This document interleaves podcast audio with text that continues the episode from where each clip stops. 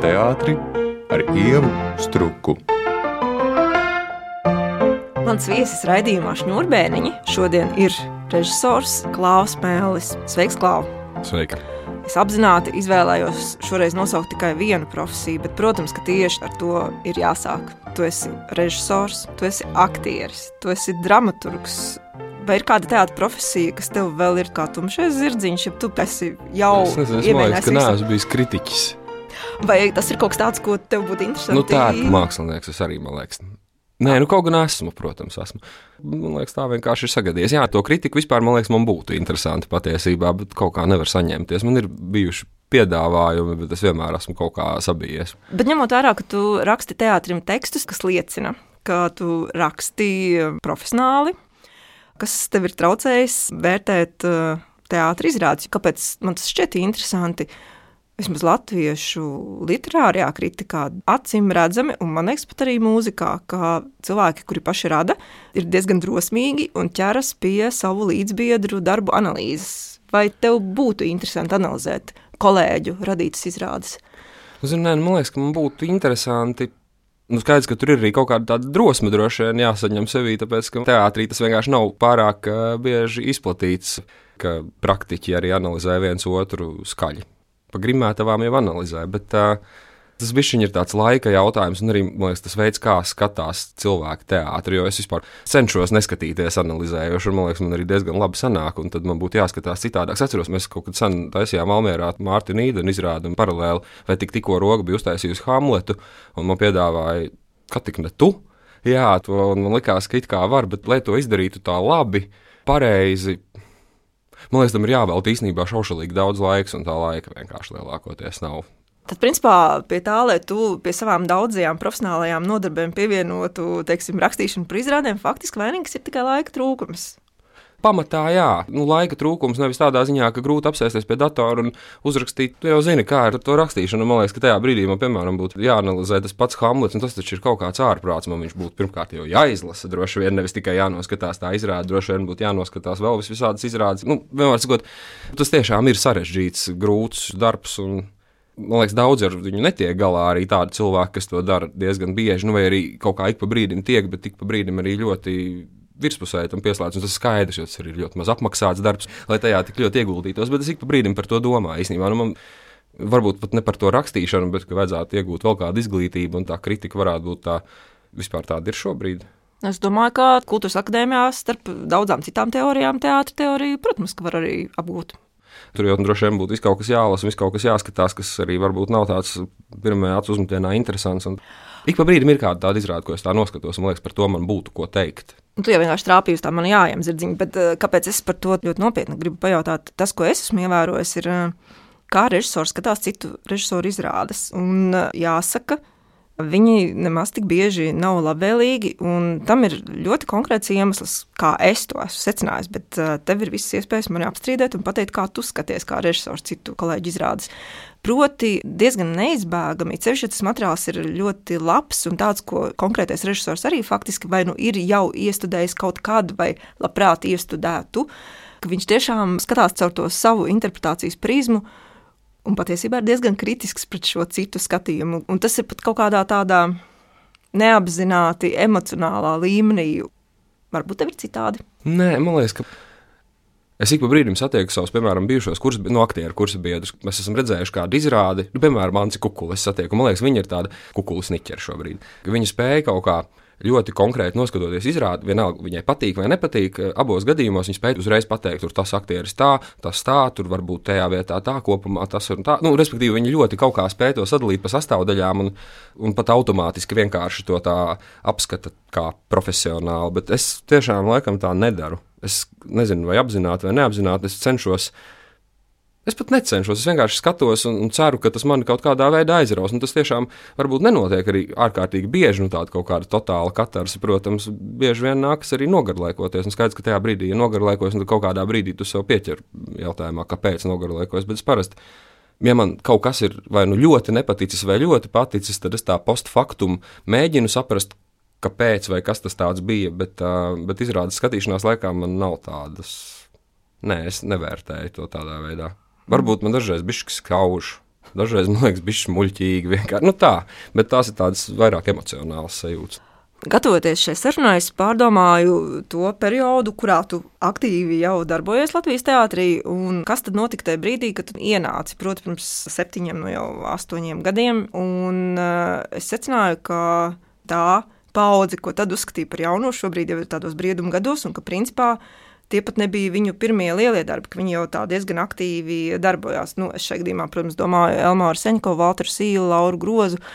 Līdz ar to ir jārunā jau par nākamo paudzi, ka tu jau piedari tai nākamajai paudzei. Un eh, vai tu principā teātrī arī esi domājis par šo paudžu jautājumu? Un eh, vai tu vari iezīmēt to sajūtu, ar ko tad jūsu paudze atšķiras no iepriekšējās paudzes. Un šos konkrētos uzvārdus es domāju, nevis, teiksim, vēl pavisam iepriekšējās, pie kā piederātu, teiksim, nu, nezinu, Gatis Šmits vai Viesturs Kairišs. Vai tu jūti, Nē, es jūtu nu, to paudžu lietu. Mm. Mēs īstenībā nesen ar Paulu, man liekas, runājām Pļaunieci un arī ar Gediņu. Mēs bijām uz to Elmāra studentu izrādi, mēs pat nebijām kopā. Rīt būs labāk. Nu, jā, var sakot, mēs aizgājām. Nu, es to tā nepiefiksēju, bet Paula teica, ka viņai ir bijusi tāda sajūta, ka tie studenti kā atpazīst, ka tā ir tāda Paula pļauniece, un nosēdina viņu tur īpašajā vietā, apmēram tādu, nu, tad skatieties, un kā, un ko. Un tas jautājums, kas mums radās, bija, nu, protams, priecīgi, ka mūsu zina un tam līdzīgi, un, un ka kaut ko mēs acīm redzot nozīmējam, jo mēs jau paši joprojām tā īsti nesaprotam un jūtamies tā, ka taisam izrādīt savām mamām un ģimenēm, lai viņām būtu prieks. Un tad mēs sākām runāt, vai mēs viņiem nozīmējam to pašu, ko tevis nosauktie, teiksim, Senkovs un Sīlis. Un nolēmām, protams, diezgan ātri, ka nu, noteikti nē. Un mēs tā sevī nospriedām, ka ļoti labi, ka nē. nē. Man tiešām nav nekas pret viņiem, liekas, superīgi mākslinieki, bet gribas, lai mēs esam bišķiņi cita paudze. Nu, mentāli, vai ne mentāli, bet kaut kā idejiski cita. Skaidrs, ka patiesībā mums jau tā vecuma atšķirība nav sevišķi liela.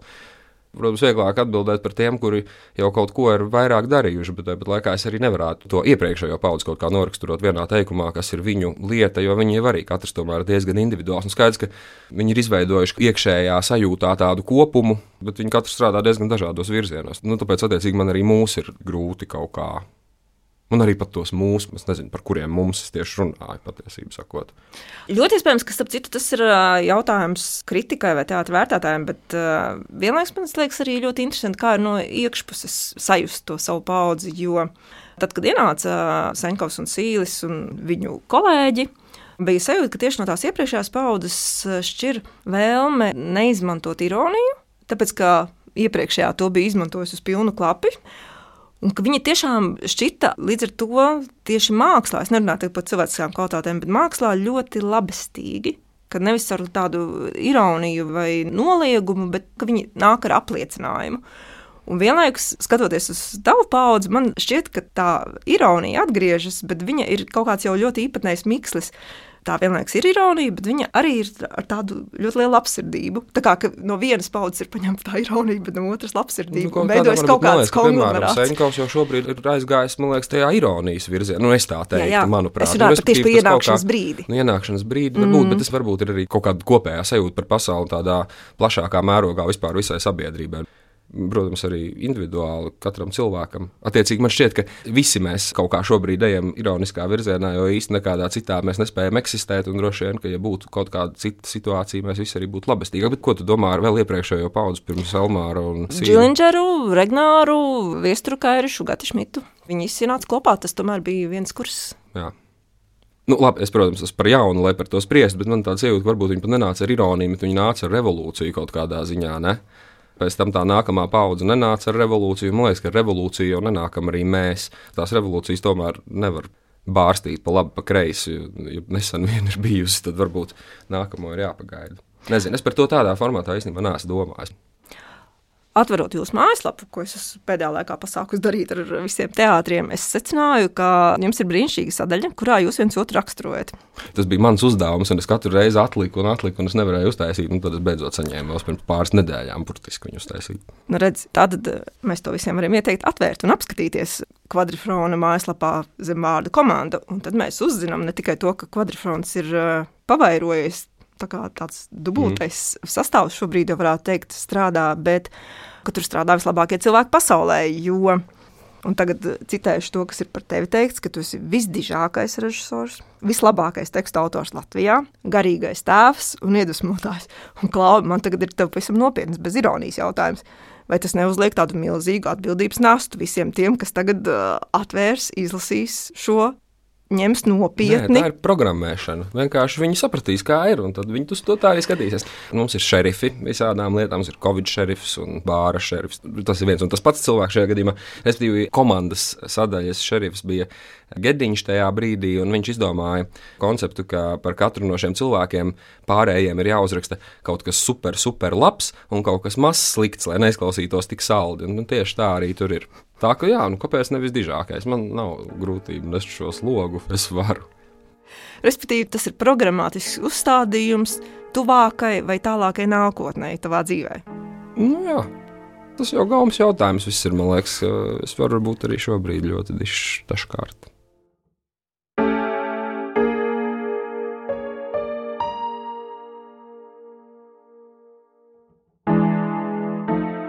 Jūs klausāties raidījumu šņurbēniņu.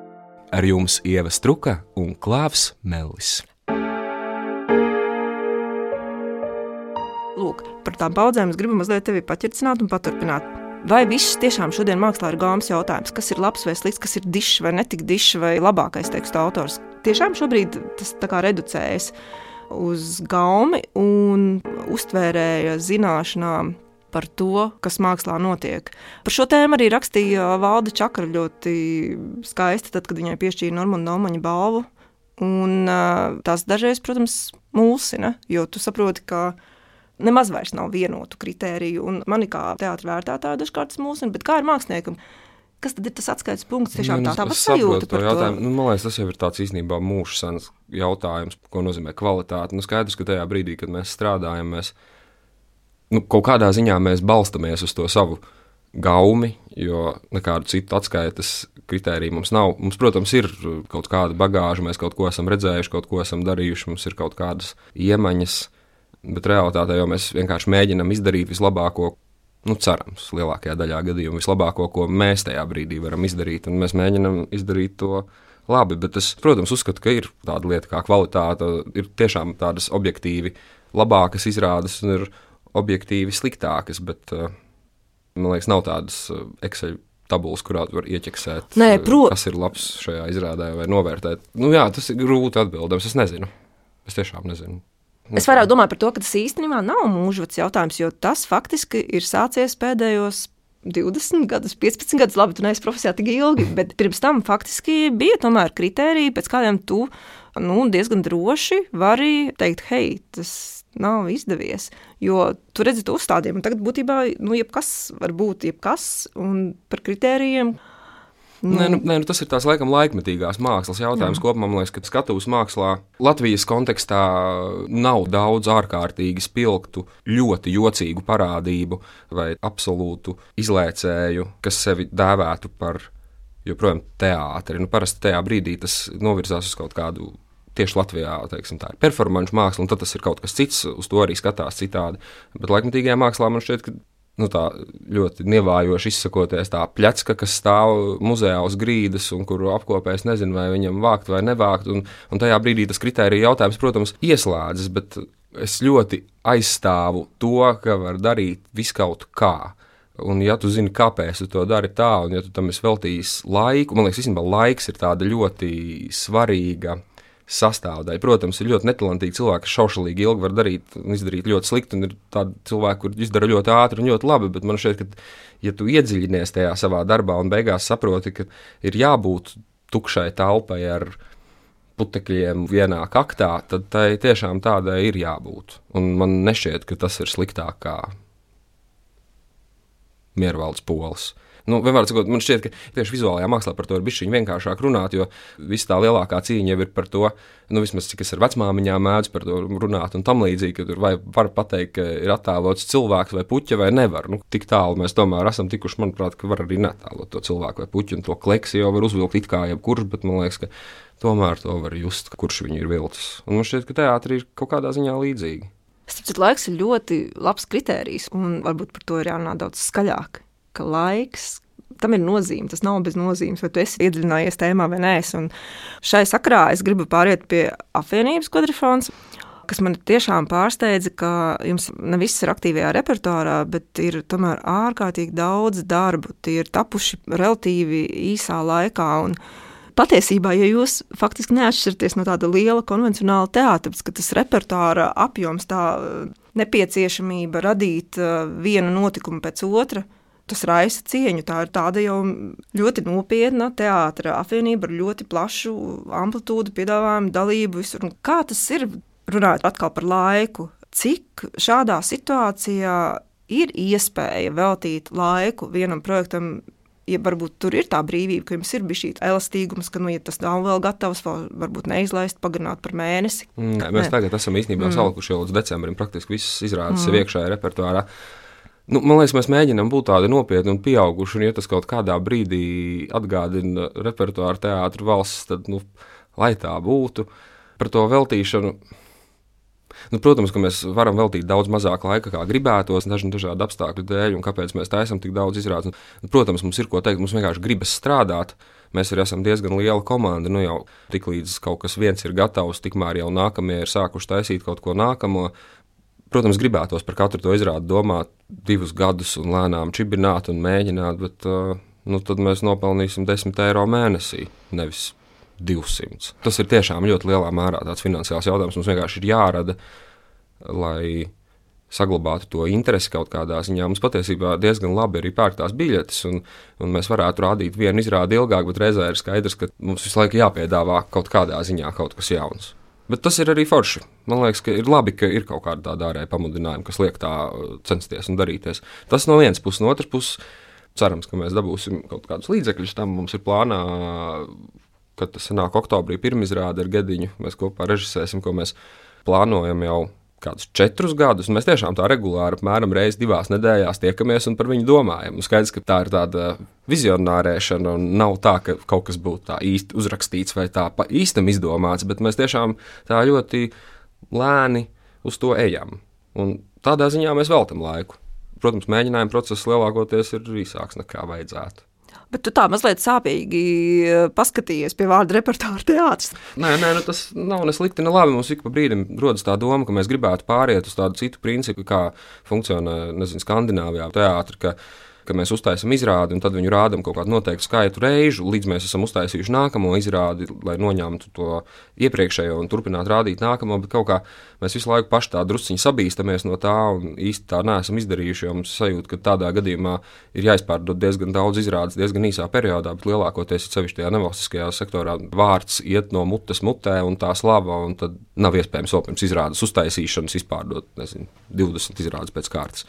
Bet mēs mēģinām turēt pēc iespējas mazāk izrādes repertuārā, lai vienkārši kaut kā paši spētu ar viņām tikt galā. Jo nu, mums nav tādu milzīgu cehu vai milzīgu tehnisko darbinieku, un mums katra tā izrāde ir vairāk vai mazāk pašiem jānobūvē, pašiem jāuzbūvē. Un, Tas ir vienkārši tāds godu un cieņas jautājums. Valsts teātris mīkņā par tiem nevalstiskajiem, un nevalstiskajiem druskuļi jāsmīkņā par valsts. Es pat nezinu, kāpēc tā ir, bet, nu, nu ja jau tā ir, tad tā kā jāspēlē līdz šim. Maza jau tā laiva. Nu, nu, mums ir grūti ar tiem valsts teātriem. Nu, mums, piemēram, ik pa brīdim ir kaut kādi aktieri, ko mēs ļoti gribētu, ar kuriem sadarboties. Mēs to, protams, šādi atļaujamies. Bet, nu, mums tagad ir, piemēram, tā nebija, nezinu, neatceros izrādi, kur ir Matīs Budovskis, ko jūs esat savākuši savā nacionālā teātrī tu zini, respektīvi, to situāciju. Un tagad mums jādomā, ko ar to situāciju darīt. Jo mēs esam vispār devuši kaut kādas piecas izrādes gandrīz, bet nu, jā, viņam ir darbiņš. Protams, ka mūs apgrūtina tie valsts teātri. Jā. Lūk, runājot par sadarbību ar citiem teātriem, tev bija Mārtiņš Zīdens Valmēras teātrī, tev bija esiet sveicināts skumjas dēlē, lepnums un aizspriedumi Nacionālajā teātrī. Un uh, vismaz lepnuma un aizsprieduma gadījumā, bet nu, visos šajos gadījumos, ir tā sajūta, ka tāda pocēlma un podzara satikšanās, no kā, protams, arī ir tā intriga, ja kā tas ir, ka viens lielāks teātris un viens pavisam mazs tajā brīdī teātris satiekas un samēro gan savu profesionālo varēšanu, gan arī izpratni par to, kas ir teātris, kāda ir laikmatīga teātra estētika. Cik tev teiksim, tas liekas auglīgs kā princips, ko ir vērts turpināt un pa tādu apli iet, nu, ņemot vērā, ka tu nākamā sezonā taisīsi kopā ar Rudolfu Gediņu? Pētera Veisa Marta Sadu Nacionālā teātrī. Ja es pareizi saprotu, tomēr tas jau ir tavs, ja jūsu neatkarīgs autordarbs, un kvadrifrons pa to laiku nodarbosies ar kaut ko citu. Kāds bija šis posms, vai tu kā, teiksim, vari noraksturot tos plusus un tos mīnusus? Ierasties kā desantam un nosēsties dažādos teātros. Tas viss liekas tik šaušalīgi sen kaut kādā mērā. Tas lepnums nespriedums bija gandrīz vai vienīgais darbs, kurā kvadrifrons tiešām sadarbojās ar Nacionālo teātru. Man šķiet, ka mēs to tā formulējām. Nu, otrādi droši vien Nacionālais teātris ar kvadrifronu. Jo tajos pārējos, nu, Mārtiņš Īdens, man liekas, tur biju es un Anci paķēru līdzi, jo man vienkārši negribējās vienam braukt uz to Valmieru un skumjas jau arī. Nu, mēs mēģinām pēdējā laikā likt iekavās aiz mūsu vārdiem to vārdu kvadrifrons, vienkārši lai tas vārds kaut kur izskan, bet nu, tas arī nebija gluži tāda tipa sadarbība. Mums bija tāda tipa sadarbība, laikam, Dailai skaitījās Sidrabs Šķidrums, kad Pauli taisīja. Nu, man vispār man kopumā gribētos tiešām daudz vairāk strādāt kvadrifronā un strādāt patiesībā gan arī tikai kvadrifronā. Tur vienkārši ir kaut kādas konkrētas lietas, kādēļ ik pa brīdim sanāk strādāt vis kaut kur citur. Viena no tām lietām noteikti ir tā, ka mēs esam tiešām paaugušies nu, Reinis taisa izrādes, Pauli taisa izrādes, Gediņš taisa izrādes, es taisu izrādes, arī pārējie ir laipni aicināti taisīt izrādes. Un skaidrs, ka mums tā zālīte ir viena, un mēs esam tik, cik esam, un tehniskais personāls mums ir neliels. Mēs vienkārši nevaram taisīt piecas izrādes paralēli visu gadu. Savukārt par vienu izrādi visu gadu domāt mēs nevaram, jo mums tad nebūs naudiņas, par ko iet uz ballītēm. Un, Un tad, attiecīgi, nākas darīt visu kaut ko citu. Tas ir viens. Un otrs ir tas, ka atkal atgriežoties pie tā, ka mums tā zālīte ir tik liela, cik ir, mums tie līdzekļi ir tik, cik ir, un mēs esam tik, cik mēs esam. Nu, kaut kādā brīdī jau sāk gribēties darīt arī kaut kādas lielākas lietas ar vairāk cilvēkiem, Nu, kaut kādā ziņā tas atkal ir naudas jautājums, bet tas pat nav honorāra jautājums, bet tiešām tāds vēriena jautājums. Cik var izrādē ieguldīt pašā? Nu, tāpēc kaut kādā ziņā, jā, es sev iekšā esmu nospriedis, ka nu, tīri tādā režijā, ja es darbojos kaut kur ārpus, tad man gribas darboties tādās lietās, ko es vienkārši kvadrifronā nevarētu uztaisīt. Nu, skaidrs, ka kaut kā jau varētu, bet nu, realitātē tie būs gandrīz 30 cilvēku uz skatuves un nu, liels inscenējums un tādu Mēs nekādīgi nevaram atļaut. Nē, mēs gan taisīsim vienu operu nākamā vasarā. Tur būs arī kādi 50 cilvēki, bet nu, tas ir atkal vienreizējs pasākums ar minimāliem līdzekļiem, cenšoties panākt maksimālu efektu, bet nu, tas nav gluži tas pats. Runājot par telpām un uh, dažādām zālēm, es gribēju piesaukt pagājušajā vasarā Valmierā, Kurtuvē, tad, kad tā vēl nebija oficiāla spēles telpa, notikušo Annas Fišeres kameru operu vēsā, kurai tu biji režisors. Jā, vai ir tavā režisora praksē vēl telpa, kuru tu nevari iedomāties, uzskatīt par apgūtu. Tu strādāji kurtuvē, tu strādāji brīvā dabā, tu strādāji cirkā, arēnā. Kur tas par mani tur tā, it kā es būtu kaut kāds pieredzes bagāts skatuves mākslinieks. Mēs programmējam, atceries. Četrus gadus to daru. Es zinu, ka daži no mums, nu, no kvadrfronta ir bišķi vairāk tur kaut kā tā besās par to, cik mums ir maza tā zālīte. Nu, jums ir tiešām ir 50 skatītāju ietilpība, nu, tas jau nav nekas. Man patiesībā gribētos, ka ir vēl mazāk. Man gribētos ar 20 skatītājiem taisīt izrādes. Man tiešām ļoti patīk tas mazais formāts. Es tev tieši gribēju jautāt, vai pēc tā, cik un ko tu esi darījis, Nē, man nevilina tā lielā skatuve. Nē, konstanti, pilnīgi noteikti nē. Nu, tas tuvākais tam tiešām bija tā vēsāk, bet es tiešām nekādā veidā negribu uzņemties tādu vienpersonisku autorību par šo izrādi. Man liekas, tas vārds režisors apzīmē, ka es to esmu darījis, bet mēs to tiešām darījām riktīgi kopā. Mēs ar Kristīnu, es domāju, ka viņa ir patiesībā vairāk režisors šim pasākumam kā es. Bet tas bija tāds nu, gandrīz mans vienīgais mēģinājums šajā lielajā formā. Nu, bija arī tas, esiet sveicināts skumjas, bet nu, tā izrāda vēl pirmo mēnesi mēģinājuma procesā. Mums likās, ka viņi atradīsies Dēls teātris kameras zālē. Un Tad, kad es domāju par to izrādi, kad es rakstīju to dramatizējumu visu to laiku, es biju pārliecināts, ka tā būs absolūti mazās formas izrāde. Un tad mēnesis pirms pirmizrādes izrādījās, ka ops, nē. Attiecīgi, es to būtu darījis pilnīgi citādāk jau no pašiem pirmajiem. Nu, droši vien es vienkārši būtu darījis kaut ko citu. Respektīvi, man šādas pieredzes īsti nav, un tāpēc man liekas, ka tas ir interesanti. Man liekas, arī tā Marata Sada uh, kontekstā man nav arī vispār nekādas pieredzes. Nereizi neesmu iestudējis nevienu lugu tiešām nevienu reizi, nu, Justīnas Mārtiņa Nīderna, bet to jau arī mēs tur kopā spriedalējām. Lūgas tekstu neesmu pats. Tad, principā, tu metīsies lielajā nezināmajā, tā varētu Jā. uzskatīt. Pēc gada attiecīgi mēs tur pārāk. Pašlaik neuztraucies. Mm -hmm. Viena izrāde, kuries vēl gribēju noteikti pagūt pieskarties, ir izrāde ciešamā kārta, kas veltīta Latvijas izglītības sistēmai visos tās līmeņos. Un es tev gribu pajautāt tieši nulekā noslēgušamies skolotāju streika kontekstā. Vai ar šāda veida izrādēm, tavuprāt, var ietekmēt kaut kādus sabiedrībā būtiskus procesus, un vai pa šo laiku vispār jebkas ir mainījies, kad tapa izrāde un kas notiek šobrīd ar skolām un izglītību. Jā, cik tev ir svarīgi ar mākslas darba palīdzību reaģēt uz to, kas ir nu, sasāpējis sabiedrībā? Nu, man liekas, kaut kādā ziņā ļoti svarīgi. Bet vai man ir kaut kāds tāds naivums, ka tas kaut ko tiešām var mainīt? Nu, kaut kādos individuālos gadījumos, dažu skatītāju iekšienē, tas var kaut ko mainīt. Bet es nezinu, vai tāda kvadrifrona 50 vietīgas zāles maz izrādīta padarīs kaut ko labāku. Tāds ideālisms eh, pēdējā laikā nav mana stihija. Laikam. Nē, bet jautājums sastāvēja no vairākām daļām. Vai kaut kas pa šo laiku ir mainījies? Nē, droši vien, ka nekas īpaši. Tāpat laikā man šķiet, ka tieši tā arī bija tās izrādes tēma. Ne pat tik ļoti izglītība, kā tas, ka nekas jau nekad nemainās. Tāpat laikā nu, šī brīža streika notiek vairāk vai mazāk pedagoģu algu un atalgojumu jautājumu ziņā. Tam mēs pat īsti vispār tajā izrādē nu, šim jautājumam nepieskaramies. Tur ir vairāk par vispār gatavību pārmaiņām, gan pedagoģu vidū, gan kaut kā kopumā. Vai tas kaut ko ietekmē? Droši vien, ka nē. Un, ja tu uzliktu to šo pašu izrādi uz lielas skatuves, es domāju, ka arī nē. Nu, Tad domā, ka tomēr māksla īsti. Nē, nē, man šķiet, ka viņi mm. ietekmē tos cilvēkus, kas atnāk skatīties, bet es tiešām šaubos, ka. Nu, Labi, man liekas, ka tā ciešamā kārta tas ir cits gadījums. Principā tāds pats, bet viņi ir tādi netik tieši savā vēstījumā, un viņi tādi vairāk nu, tāds dzējolis, fatāls. Tā izrāda ir. Bet mums bija vecmāmiņu valsts, Pāvils Pļaunietis izrāda, kas bija super sociāli orientēta. Tur nebija nekādas īsti dzējas. Nu, tur bija, protams, divi līmeņi. Tā izrādēja tas siltais un politiskais. Bet, Bet mēs arī kaut kad spriedām, ka varbūt ka mēs varētu teiksim, uzaicināt visus saimnes deputātus vai ko tamlīdzīgu. Jo nu, ļoti konkrētas mm. lietas, par kurām mēs runājam, un konkrēti lēmumi, kas būtu jāpieņem, bet uh, varbūt tādā gadījumā mainītu. Bet nu, tad, kad atnāk tie parastie skatītāji paskatās un gūst apstiprinājumu tam, ka viss ir slikti. Es arī nezinu, vai vispār ir vērts taisīt izrādes, kurās tu vari atnākt un paskatīties un saprast, ka viss ir slikti. Kaut kā grūti par to runāt. Nu, nu pat grūti. Vienkārši es nezinu, man mm. nav atbildes.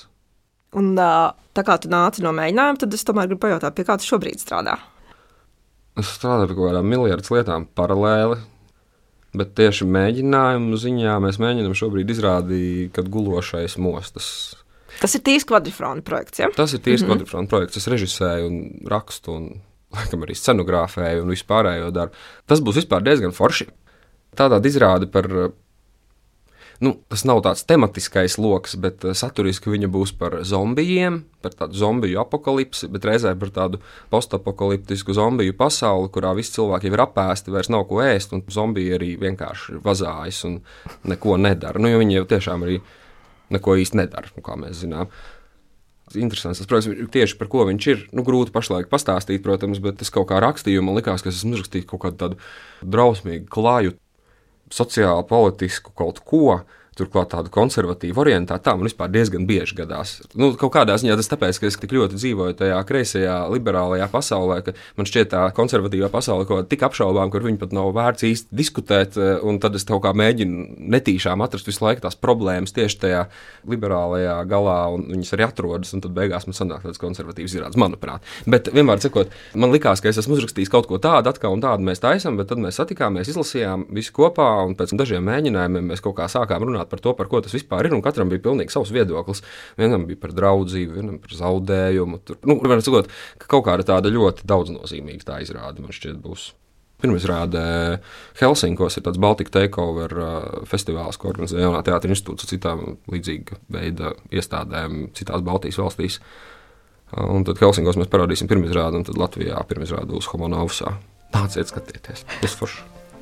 Nu, redziet, šīs gaišās nots, ņemot vērā, ka um, tekstus tātad raksta labākais tekstu autors Latvijā un izrāda veido visdižākais režisors Latvijā. Ar to es arī noslēdzu šņurbēniņu raidījumu un saku paldies! Paldies! paldies Par teātri ar Ievu Struku.